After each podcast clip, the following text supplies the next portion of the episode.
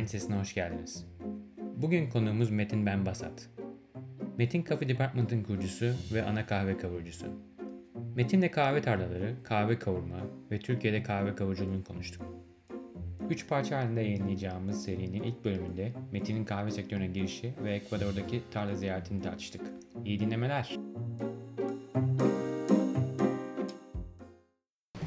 Metin merhaba. Merhaba Orkun. Ee, bugün Nişantaşı Cafe Department'tayız. Ee, Evet, hoş geldin. Güzel küçük bir kafede e, söyleşimizi yapacağız. Ee, Evet. Önce seni bir tanıyalım. Ee, Tabii kahveyle ki. nasıl tanıştın?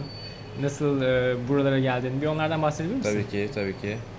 Ee, merhaba, ben Metin Benbasat. Cafe Department'ın kurucusuyum. Ee, 2014 yılından beri e, kahve kavuruyorum. Daha öncesinde e, bir mali müşavirlik şirketinde çalışıyordum. 5 senedir de orada bir kariyerim var. Mali müşavirim aynı zamanda. İlk başlarda e, aslında mali müşavirim diye başlıyordum bazen insanlara kendimi tanıtırken ama şimdi aslında kahveciyim yani o e, artık bıraktığım bir iş ama en azından e, Cafe Department'ın işlerinde de çok işime de yarıyor aslında. Tabii. Ee, 2014 yılında kurduk Cafe Department'ı ve bu tamamen aslında bir kişisel zevkten kaynaklanıyor. Yani kahveyi sevdiğimiz için Ee, ve o senelerde de kahve Türkiye'de popülerleşmeye başladığı için nitelikli kahve ee, tam zaman dedim yani bir kahveci açmak istiyorsam e, tam bu zamanlarda açmam gerekiyor diye düşündüm ve e, açma kararı aldım. O zamanlar mesela örnek aldığın veya işte İstanbul'da olsun, Türkiye'de olsun herhangi bir böyle başka kimler vardı? Türkiye'de pek yoktu aslında eee, kahve dükkanı. Yani 2014 yılında açılan birkaç tane kahve markası da oldu zaten. Eee, ama örnek aldığım markalar daha çok yurt dışındaydı. Hani yurt dışı seyahatlerimde eee, gezdiğim, içtiğim kahvelerden, eee, işte Amerika'da, Avrupa'da vesaire bu tarz ülkelerde hani kahve tüketiyordum çok. Oradaki e, atmosferden e, bilhassa çok etkilendim. Benim çok hoşuma gitti yani. Kendimi çok hissettim o atmosferin içinde. Ve e, kahveler de çok lezzetli oluyordu yani içtiğimiz kahvelere daha önce hiç benzemiyordu nitelikli kahveler. E, hem işleme teknikleri hem işte daha açık kavrulmuş olmaları, hazırlanış teknikleri hepsi bir araya gelince bambaşka bir deneyim yaşatıyordu yani bütün hepsi birlikte. Dolayısıyla ben de böyle bir şeyi Türkiye'de gerçekleştirmek istedim. E, ve Cafe Department'ı kurdum. İlk başlarda tabii e, mali müşavirlik şirketinde çalışırken aileme gidince ben böyle bir işte kahve markası kuracağım diye e, izin vermediler.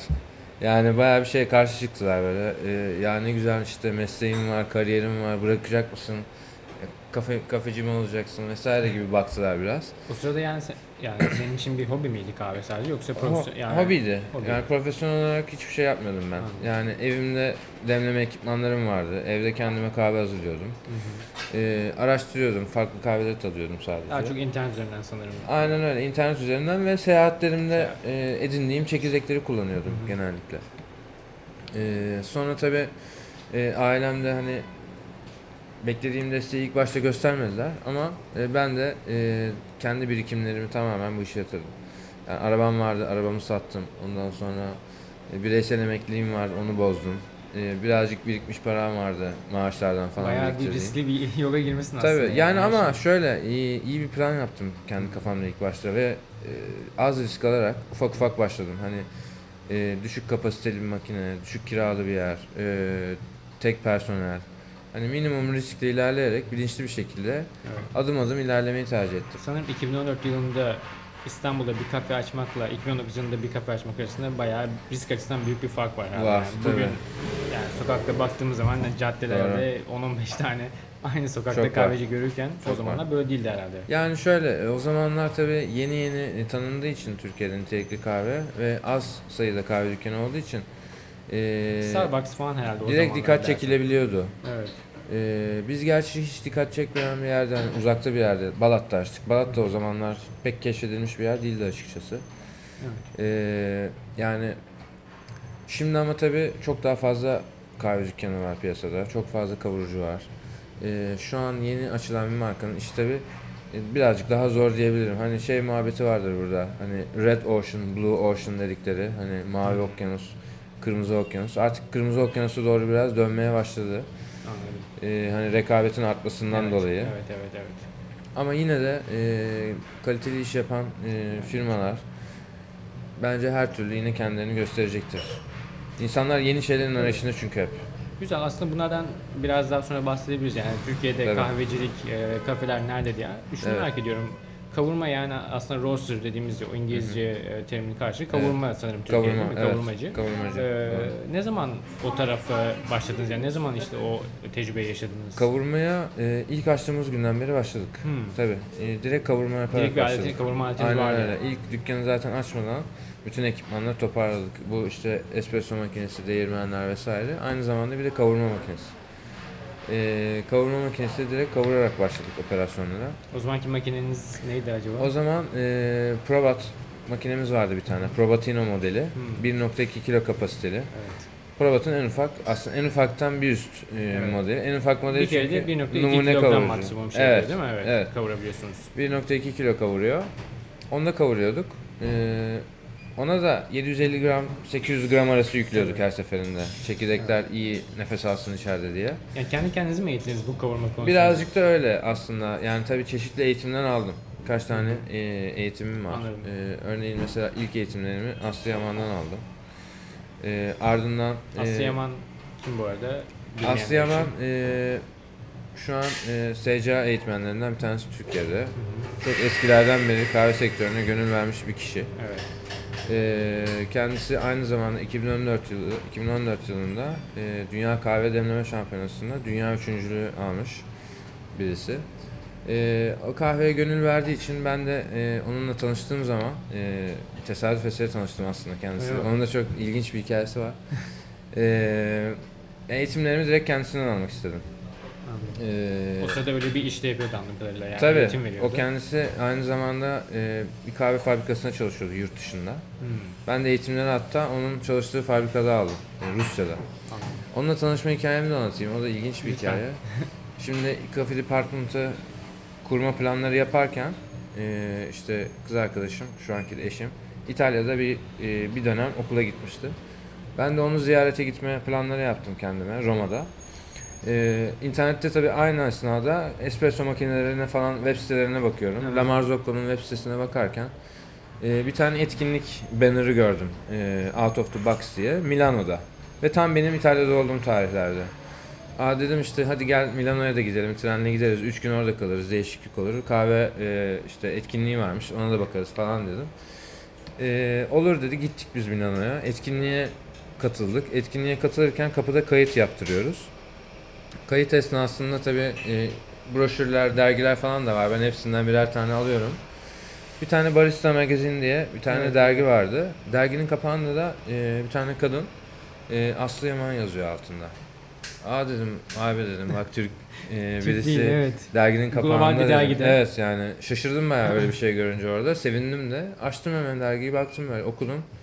E, hikayesi. O zaman tabii dünya e, üçüncülüğünün hikayesini anlatılıyor orada. E, işte böyle bir e, tesadüf oldu. Ve etkinliği gezerken e, bir baktım yanımda duruyor Aslı Yaman. Tanımıyorum kendisini. Derginin kapağında görmüşüm birkaç saat önce. İşte merhaba dedim. E, işte sen derginin kapağındaki kişi değil misin falan diye. Öyle tanıştık yani bir anda. Anlattım böyle planları. Ee, o da anlattı işte ne iş yapıyor vesaire falan diye. İşte iletişim bilgilerimizi değiş tokuş yaptık. Sonra ben ne zaman e, artık bir eğitim alma safhasına geldiğim zaman kendisine mail attım. Ee, böyle böyle bir eğitim almak istiyorum dedim eğer mümkünse senin için. Olur dedi. Rusya'da çalışıyordu o zaman. Hı hı. Ee, ben de Rusya'ya gittim eğitim almaya. Bu şekilde eğitimler aldım. Ee, ilk başta tabii bu çok önemli bence. Kariyere Bence de yani başlamadan benim önce. aslında şey şaşırdığım nokta birazcık şeydi. Ya genelde hani şu an bir kafe açmak isteyelim desek Evet. şey sanki, sanki şöyle geliyor. Yani işte tesisat alalım, e, espresso makinemizi alalım, demleme aletlerimizi alalım. Evet. Kahveleri de iyi yapan bildiğimiz bir yerden temin edelim Evet. yani. Senin işte direkt ilk başta hani all in derler ya her şeyle beraber Evet. yapacağım demen aslında yani Ee, hem bayağı şey Yani Ee, biz tabii planımızı direkt aslında şöyleydi benim planım. Ben sadece kavurma yapıp çekirdek tedariği yapmak istiyordum ilk aşamalarda. Sonra tabii e, arkadaşlarla, ailelerle e, işte açılınca konular hani ne yapmak istediğimi onlara anlatınca aa işte sen kafede yapmalısın falan diye böyle. Yani iş birazcık aslında doğal kendi kendine Kendi gelişti kendine. yani. Anladım. Yani yönlendirmeler tabii ki oldu ama e, yani kendi kendine gelişiyor bu iş Evde aslında. mesela hobi olarak yaptığın sıralarda böyle şey diyor muydun ya ben şu yeşil çekirdeği alsam, kavursam yani bunların daha iyisini yaparım bilmiyorum yani hani. Yok pek öyle düşünmüyordum. Sadece yani kendi yorumumu katabilirim diye düşünüyordum. Ee, kendi stilimi, Tabii kendi sonuçta aslında yorumumu. tat bayağı yorumsal bir şey. Yani. Evet. Ee, Çok fark ediyor yani kahveler birbirinden çok farklı. Ee, kavurma makinelerinin tepkileri farklı. Herkesin kavurma stilleri farklı. kesinlikle. Ee, şu anki kavurma ne kullanıyorsun? Şu an olarak? e, Giysen, e, Giysen marka bir makine kullanıyoruz. 6 kilo kapasiteli bir e, makinemiz var. Ne kadarla bir kavuruyorsunuz? E, Valla haftanın 3 günü minimum kavuruyoruz ya. 3-4 arası değişiyor şu an ortalamamız. Çok iyi. İstersen yavaştan konuya girelim. Ee, Tamam. Bugün şöyle bir plan yaptım aslında. Tarlalardan başlamak istiyorum. Ee, çünkü duyumuma göre Ekvador'da e, bulunduğun bir Evet. kahve tarlası ziyaret etme Doğru. e, doğru. şeyin var. Bir yaklaşık 3 ay önce Ekvador'daydım. Şeyden başlayalım mı? Yani bu hani çoğu kişi büyük ihtimalle daha işin tarla kısmına çok hakim değildir yani. Ee, Evet. bir aslında her şey de orada başlıyor yani kahve ağaçlarının yetiştiği yerler. Tabii. Ee, özellikle nedir yani? Nasıl olmalı yani? Atıyorum Mersin'de bir Evet. kahve e, tarlası kurabilir miyim? Ee, şu an için kuramayız. Ee, inşallah gelecekte de kuramayız diyeyim. gelecekte kurabiliyor olmamız küresel ısınmanın e, bayağı bir ilerlemiş e, halinde gerçekleşebilir ancak. O da tabii dünya için maalesef Çok, e, yani kötü bir sonuç e, olur. Dolayısıyla şu anki halde kahve sadece tropikal iklimde yetişiyor. E, tropikal iklim ne demek?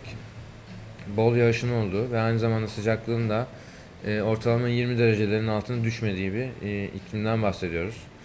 Toprak e, kalitesi de e, bayağı zengin olması lazım mineraller bakımından. Bu ne olabilir? Volkanik olabilir, kil olabilir. Hani bu nevi zengin topraklarda yetişiyor kahveler. Yüksek rakımlarda yetişiyor. E, Yaklaşık 1000-2000 metre arası falan diyelim. yani- Nasıl onlar? çeşitli mikro klimalara göre yani deniz seviyesinden e, 200 metre yükseklikte yetişen kahve de var aslında.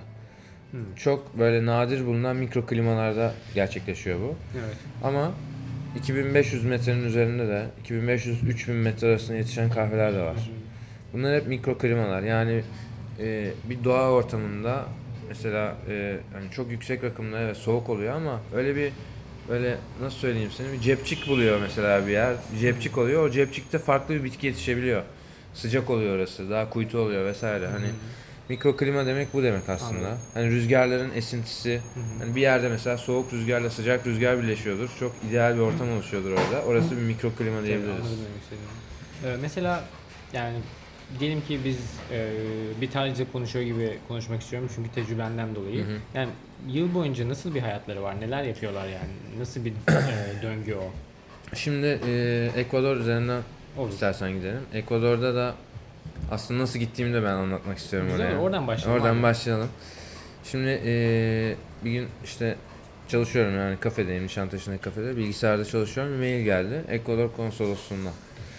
E, tabii aslında ben tam olarak anlayamadım Ekvador konsolosluğundan gelip gelmediğini. Bir mail geldi. Diyor ki Ekvador'da işte bir Pro Ekvador diye toplantılar düzenlenecek. Sizi davet etmek istiyoruz buraya.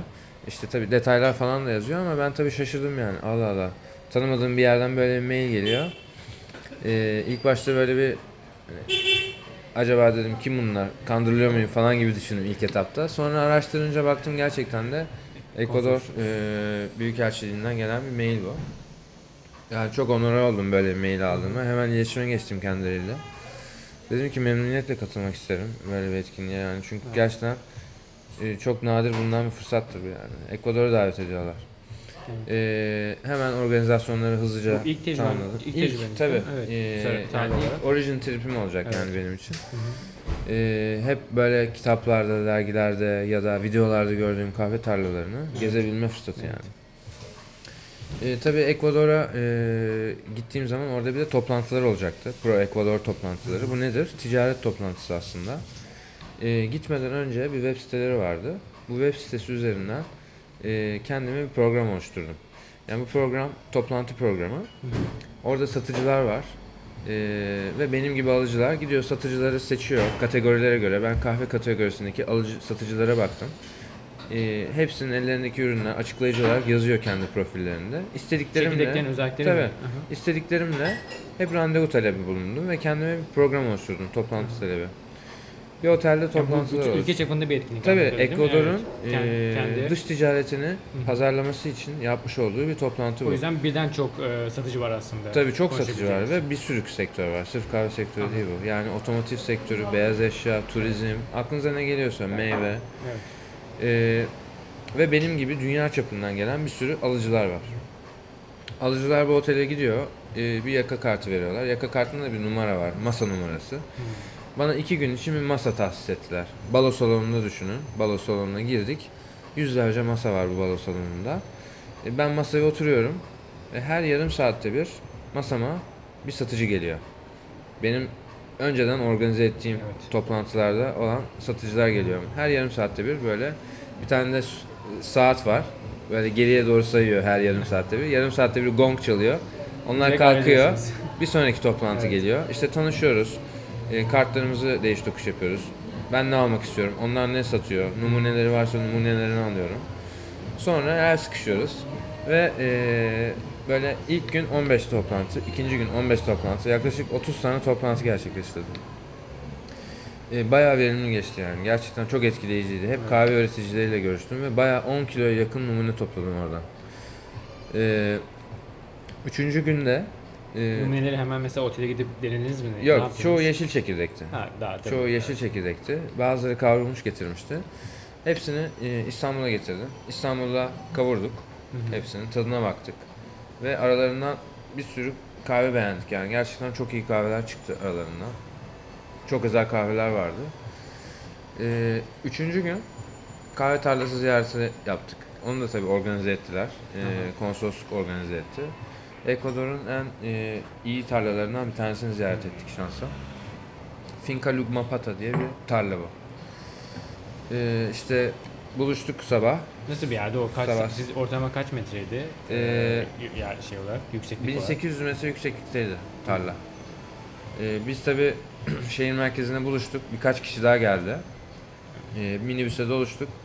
3 saat bayağı bir yol yaptık. Yol yaparken işte muz tarlaları, kakao tarlaları böyle yerlerden geçiyoruz. Ee, sonra tabi e, inanılmaz manzaralar. Tabi tropikal iklim olduğu için her yer yemyeşil. Ee, gerçekten çok iyi yani. Bulutların arasından geçiyorsun böyle tarlaya giderken. Ee, 1800 metre rakımında bir tarlaya gittik. Bu tamam bir aile işletmesi. Yani birkaç jenerasyondur. Genelde böyle oluyor değil mi? Yani e, bu tarz tarlalarda jenerasyon Yani boyunca çok oluyor ediyor. böyle. Hani aile tarlaları çok oluyor. Hı Ee, ama olmayabilir. Ee, daha hani bu kendi başına tamamen yetebilen bir tarla yani. Yani başından sonuna işte kahveyi yetiştiriyor ve işliyor.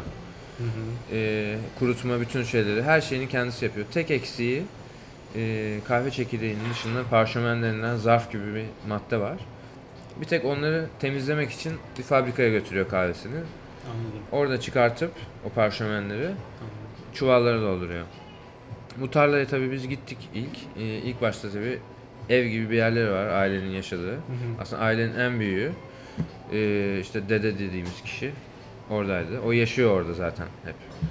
Ee, sonra tabii işte baba ve e, eşi aynı zamanda oğulları vardı. Roberto diye birisi. Sağ olsunlar orada bayağı muhabbet ettik. Bizi ağırladılar. İşte su içtik e, vesaire. Sonra hemen e, geziye başladık. E, geziye başladığımız yer evden biraz çıktık. Direkt kuru, evin ya- yanında kahveleri kuruttukları bir yer var böyle. Afrika stil yataklar var. Kurutma Anladım. yatakları deniyor bunlara. Kat kat böyle. Kapalı bir alan içerisinde, örtülü bir alan içerisinde. Direkt güneşin almayacağı, Aha. Gölge yapılıyor. gölge mi? olan bir alanda. Çekirdekleri direkt diziyorlar buraya. Orada kurutuluyor belli bir süre. Ee, buraya gezdik ilk başta. Sonra e, buraya gezdikten sonra istasyon var bir tane. Yıkama istasyonu. Kahveleri yüzdürüyorlar orada. Meyveleri topladıktan sonra Evet. Bu processing diyorlar sanırım. Tabii. Yani farklı tarzlarda var. Evet var. Ee, sizin bahsettiğiniz e, wet processing. Evet, wet deniyor. process. Yani Evet. wet process'teki orada makineleri gördük. Aslında buraya geçiyorum şimdi. Tamam. Çünkü e, buradan sonra tekrar bahsedeceğim. Tamam, tamam. Bu istasyon gibi yeri gördük. Sonra hemen devam ettik. Direkt tarlaya ulaştık. Ağaçların olduğu yer Ağaçların artık. olduğu yere ulaştık. Ee, ağaçlar zaten e, gerçekten çok şey ağaçlar. Yani böyle dediğim gibi hep videolarda, dergilerde gördüğümüz şeyi canlı olarak görmek, üstelik hasat zamanında görmek Hasat zamanı. e, büyük şanstı yani. Oradaki tarla bir kere mi hasat yapıyordu yılda yoksa? Yılda e, değişiyor. Bazen değişiyor. bir kere yapıyor, bazen iki kere Mevsime yapıyor. göre mevsim şeye mevsim göre. durumuna göre, Evet, yağışlara havaya göre. E, zaten Roberto ile şu an hep WhatsApp'tan yazışıyoruz. E, çünkü kahvesini çok beğendim ben. Anladım. O topladığım numuneler arasında şansa açık ara en çok beğendiğim kahve tarlayı ziy- tarlasını ziyaret ettiğim yerde. Finca Lugma Pata'nın kahvesi çıktı. Gerçekten bambaşka bir kahveydi. Ee, Whatsapp'tan yazışıyoruz zaten sürekli kendisiyle. Ee, mevsim beklediğimizin dışında gelişti. Ocak ayında yeni bir hasat daha oluşacak dedi. Beklenmedik bir şekilde Beklenmedik Ocak'ta bir ikinci şekilde. bir hasat evet, oluyor. ikinci hasat olacak. Evet. Bazen bir kere oluyor, bazen iki kere oluyor. Anladım. Neyse tarlaya geldik. Tabi meyveler falan direkt ağaçların üzerinde duruyor. Toplanmamışlar. Ee, top, toplanıyorlar yani. Yavaş evet. Ee, toplayıcılar topluyor orada zaten. Elle toplanıyor bütün bu meyveler. Ee, hani nitelikli kahvede olması gereken elle toplanmış olması. Yani tek tek elle hani Elle, evet. ağaçtan kiraz toplar gibi. Aynen. Doğru mu? Bunun sebebi de şu, e, kahve meyveleri ağaç üzerinde hepsi aynı anda olgunlaşmıyor. Bazıları daha önce olgunlaşıyor, bazıları daha geç olgunlaşıyor. E, iyi bir lezzet ortaya çıkartabilmek için kahvede tam olgunlaşmış, olgunlaşma tamamlandığı zaman toplaman lazım. Tabii. evet. E, dolayısıyla toplayıcılar hasat zamanı her gün bu tarlaların içine girip kontrol ediyorlar ağaçları. Hı hı. Olgunlaşmışları topluyorlar. Fazla olgunlaşmışlar da olabilir. Onları mesela ayrı bir yere aktarıyorlar. Ya da o, henüz olgunlaşmamışlar var. Onlar da dalda bırakılıyor ki olgunlaşmaya beklensin diye. Evet. Sadece olgunlaşmış olanlar toplanıyor. Gelişini tamamlamış meyveler toplanıyor. Çuvallara koyuluyor. E, tarlada e, şeye çok dikkat ediyorlardı. Yere herhangi bir meyvenin düşmemesine çok dikkat ediyorlardı. Çünkü o çeşitli böcekleri tarlaya Toprağa çekebiliyor. ve Şeye. Tarlaya çekiyor ve kahve ağaçlarına zarar vermesini e, Özel bir verebiliyor ilaçlama yani. yapılıyor mu biliyor musunuz ağaçlara? Özel bir ilaçlama benim bildiğim kadarıyla henüz orada hani yapmıyorlardı. Yani organik tarımda çeşitli kimyasalların kullanmaması lazım. Hı hı. Kullanılmaması lazım. E, o konuları açıkçası konuşmadık ama iyi tarlalar e, iyi hani tarım uygulamalarını yapıyor diye biliyorum ben. E, bu tarlada zaten Ekvador'un en çok bilinen en ödüllü tarlalarından bir tanesi. Yani Taza Dorada diye bir yarışma var. Hı hı. E, bu Latin Amerika ülkelerinde düzenlenen. Orada hep birincilikleri, üçüncülükleri, ikincilikleri falan olan bir yer.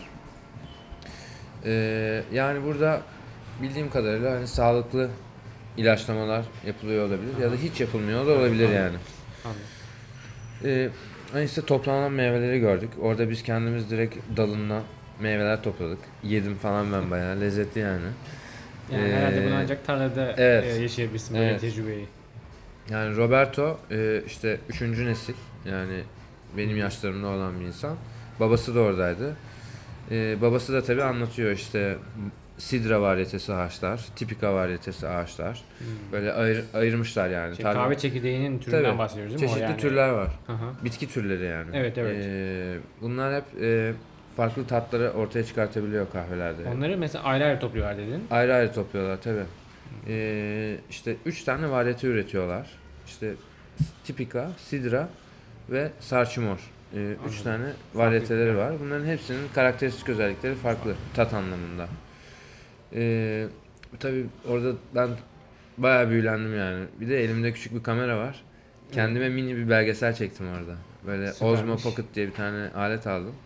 Yani yayınladın mı henüz Daha henüz yayınlamadım. e, Şu an videoyu- Yapma aşamasında. Yani videoları çektim ama daha henüz editing yapmayı bilmediğim için bilgisayarımda duruyor. En kısa Ee, zamanda inşallah Aynen. görebiliriz. Ee, kayınbiraderim var. O yönetmen. Bu işlerle ilgileniyor direkt. Videoları sağ hepsini aldı. Tamamdır. Ee, halledecek onu. Güzel güzel olur aslında. Aynen. öyle güzel bir, bir belgesel. belgesel. yapmayı düşünüyoruz. Bir Türk'ün yani öyle bir şey. Evet, yapması. YouTube kanalımız e, ol, var zaten bir tane. Aha. Orada da yayınlamayı Coffee düşünüyoruz. Department'ın YouTube kanalının altında. Evet, aynen. Ee, tarlanın içerisinde tabii videoları falan çekerken e, böyle bakıyorum böyle gökyüzüne, çevre inanılmaz güzel, yüksek rakım. Tepeden böyle şey kartal falan uçuyor yani. Böyle alışık olduğumuz manzaralar değil Evet. yani. Ondan sonra e, neyse meyveleri falan topladık. E, çuvallarla e, direkt o istasyona getirildi tekrar. İlk evin hemen iki yanındaki yere getirildi. Kurutma lokasyonu E, mu? kurutma lokasyonundan bir sonraki yere, yere getirildi. Sulu, sulu yani. Sulu yere getirildi. Aynen. Şimdi o meyveleri çekirdeklerinden ayrıştırmak Ondan önce gerekiyor. bir şey sorabilir miyim? Tabii. Ee, genelde bazı tarlalarda şunu diyorum. Mikrolot dedikleri bir Evet. kavram var. Ee, sadece tarlanın belli bir bölgesinden çıkan çekirdekleri farklı bir şekilde satıyorlar. Doğru. Ee, orada öyle bir şey var mıydı? Ee, mikrolot orada yani mikrolot şöyle oluyor aslında. Yani küçük bir lot demek aslında Aha, mikrolot. Evet. Ee, hasat bazen sadece bir mikrolot oluyor zaten. Hani Anladım. 500 kilo Hmm, bir kahve çıkıyor. O zaten mikrolot yani Anladım. aslında anladım. kendi kendine. Yani anladım. Ama özel bir e, işleme mesela tabi tuttukları zaman da bir mikrolot denilebiliyor. Hı hı. Ee, hani ağaçların anlamında mı yoksa e, işleme tekniği işleme de tekniği olabilir. var. İşleme tekniği de olabilir. Hı hı. Hani az bir mesela atıyorum 5 tane ge, geyşa varyetesi ağaç olabilir orada mesela. Onların, Geyşe variyetesinden biraz bahsedebilir misin? Hemen ismi geçmiş Tabii. bir de. e, yani açıkçası çok bilgi sahibi değilim geyşa varyeteleriyle Yani bir tür ama herhalde işte bir Ee, çekirdek Biz hiç türü. kavurmadık. Aslında kavurduk bir keresinde bir geyşa varyetesi. Ee, şimdi geisha var bir de geisha var. Hmm. İki tane aslında şey var. Geisha olan sanırım. Daha- Geisha e, yani daha çok işte Latin Amerika ülkelerinde oluyor. Biz geisha'yı Etiyopya'dan e, tedarik etmiştik bir keresinde. Geisha Village diye bir tarla vardı. Aha. Oradan aldığımız kahve e, geisha varyetesi bir kahveydi. Bir de geisha'lar var. Onlar da bir varyete aslında. Evet. Çok nadir bunlar, çok hassas. Fiyatlar o yüzden çok yüksek Evet, oluyor değil mi? fiyatları onlarda? yüksek. Tat da zaten e, Daha çok farklılaşıyor. lezzetli yani. Gerçekten çok farklı bir tat profili var. O yüzden de biraz değerli Anladım. bir kahve. Sonuç olarak aslında mikrolot çok genel bir kavram senin söylediklerinden Evet. aldım. Yani bir sürü farklı işlemler yapılabilir Evet. mikrolot olması için. Tabii. Ee, tek bir se- şey, şekilde mikrolot yapmak diye bir şey evet yok. yani Prosesi şey bile var. olabilir. Nanolot diye bir şey de var yani. Daha da küçüğü. Sadece şey var. yani 10 kilo falan mı öyle bir şey belki yani. Evet, Sanırım aynen kütleye öyle. göre. herhalde. Aynen öyle. yani ben öyle biliyorum Aha. şahsen. İşte ilerlemeden o zaman bir de şeyi sorayım. Yani o Ekvador'daki tarlanın hasatından ne kadar çıkıyordu e, toplam? Kütle olarak yani ne kadar hasat yapıyor herhalde? Ee, onu henüz bilmiyorum. Çünkü e, WhatsApp'ta yazışıyorduk. İşte dün akşam yazışıyorduk. Bir alım yapmak istiyorum onlardan. Dedim ki hani hazır mı ürünler falan diye. Ee, ya Metin dedi kötü bir şeyler oldu dedi. Ee, Ekvador'da bir e, boykot gibi bir şey olmuş. Geçtiğimiz hafta bu arada çok yeni yani. Ee, insanlar işte ayaklanmış, bu tarz böyle bir boykot çıkmış. Çiftçiler, toplayıcılar tarlaya ulaşamamış. Dolayısıyla beklediğimiz e, hasadı gerçekleştiremedik dedi. Bu bayağı tarla için kötü bir şey aslında. Tabii mi? tarla için kötü bir şey. o. Aynen öyle. Yani o meyvelerin toplanamaması yani. Böyle bir e, devlet meselesinden dolayı Evet. tarla böyle bir zarar görüyor. Yani çöpe gidebilir aslında. Çöpe gitmiş yani aslında. Evet. Çöpe gitmiş yani. Bütün hasat çöpe gitmiş. Beklentimizin çok daha altındaydı dedi hasat. Yani atıyorum belki bir ton kahve üretecekken 250 kilo kahve üretti bu sene. Ama dedi şanslıyız. Yağışlar sayesinde Ocak ayında bir hasatlar gerçekleşecek dedi. Ee, dolayısıyla ben mesela bu hasattan alım yapamadım. Çok küçük kütlede olduğu için. Evet. ee, ve satılmıştı yani.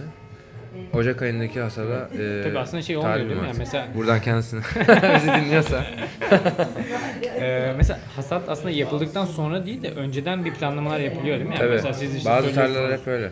Ya bu bir de e, bir ilişki kurma meselesi. En yani mesela, evet. şimdi biz ne yapıyoruz şu an için kahveleri toptancılardan alıyoruz. Avrupa'daki çeşitli toptancılardan Evet, evet. ithal ediyoruz ürünleri. Bu işte Fransa'da, ondan sonra e, Almanya'da, Belçika'da gibi ülkelerde e, toptancılar var. Bu toptancılar üretici ülkelerden kahveleri alıyor depolarına.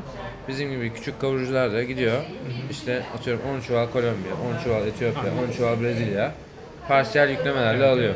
Onlar konteyner bazında depolarına alıyor kahveyi. Biz de onlardan palet bazında alıyoruz gibi Evet, düşünebilirsin. Ee, Ee, onlar bir ilişki kuruyor üreticilerle. Sürekli bir ilişki kuruyorlar. Bizim gibi küçük kavurucular da küçük tarlalarla e, bir ilişki kurmaları lazım ki bu tarlalarda e, üretimlerini ona göre planlasınlar. Onların işi de zor. Yani bizim gibi ufak kavurucularla uğraşamazlar. E, ancak ve ancak e, bir güven çerçevesinde olması lazım ki ben onlara bir hani e, commitment'ta bulunayım. Onlar da e, benim commitment'ıma inanarak, güvenerek o malı üretsinler. Ben sonra almamazlık etmemem lazım onu. Ayıp Ya olur. senin yani. aslında iyi bir plan yapman Ticari, lazım. ticari bir şey bu. Kesinlikle. Güven k- meselesi. Kesinlikle. Senin de iyi bir plan yapman lazım. Evet. Ee, fazla alırsan çöp oluyor herhalde. Evet. Çünkü onun da bir ömrü var. Yeşil çekirdeğinde Tabii. belli bir ömrü var. Bayatlıyor. Ee, ne Yani- kadar onun ömrü?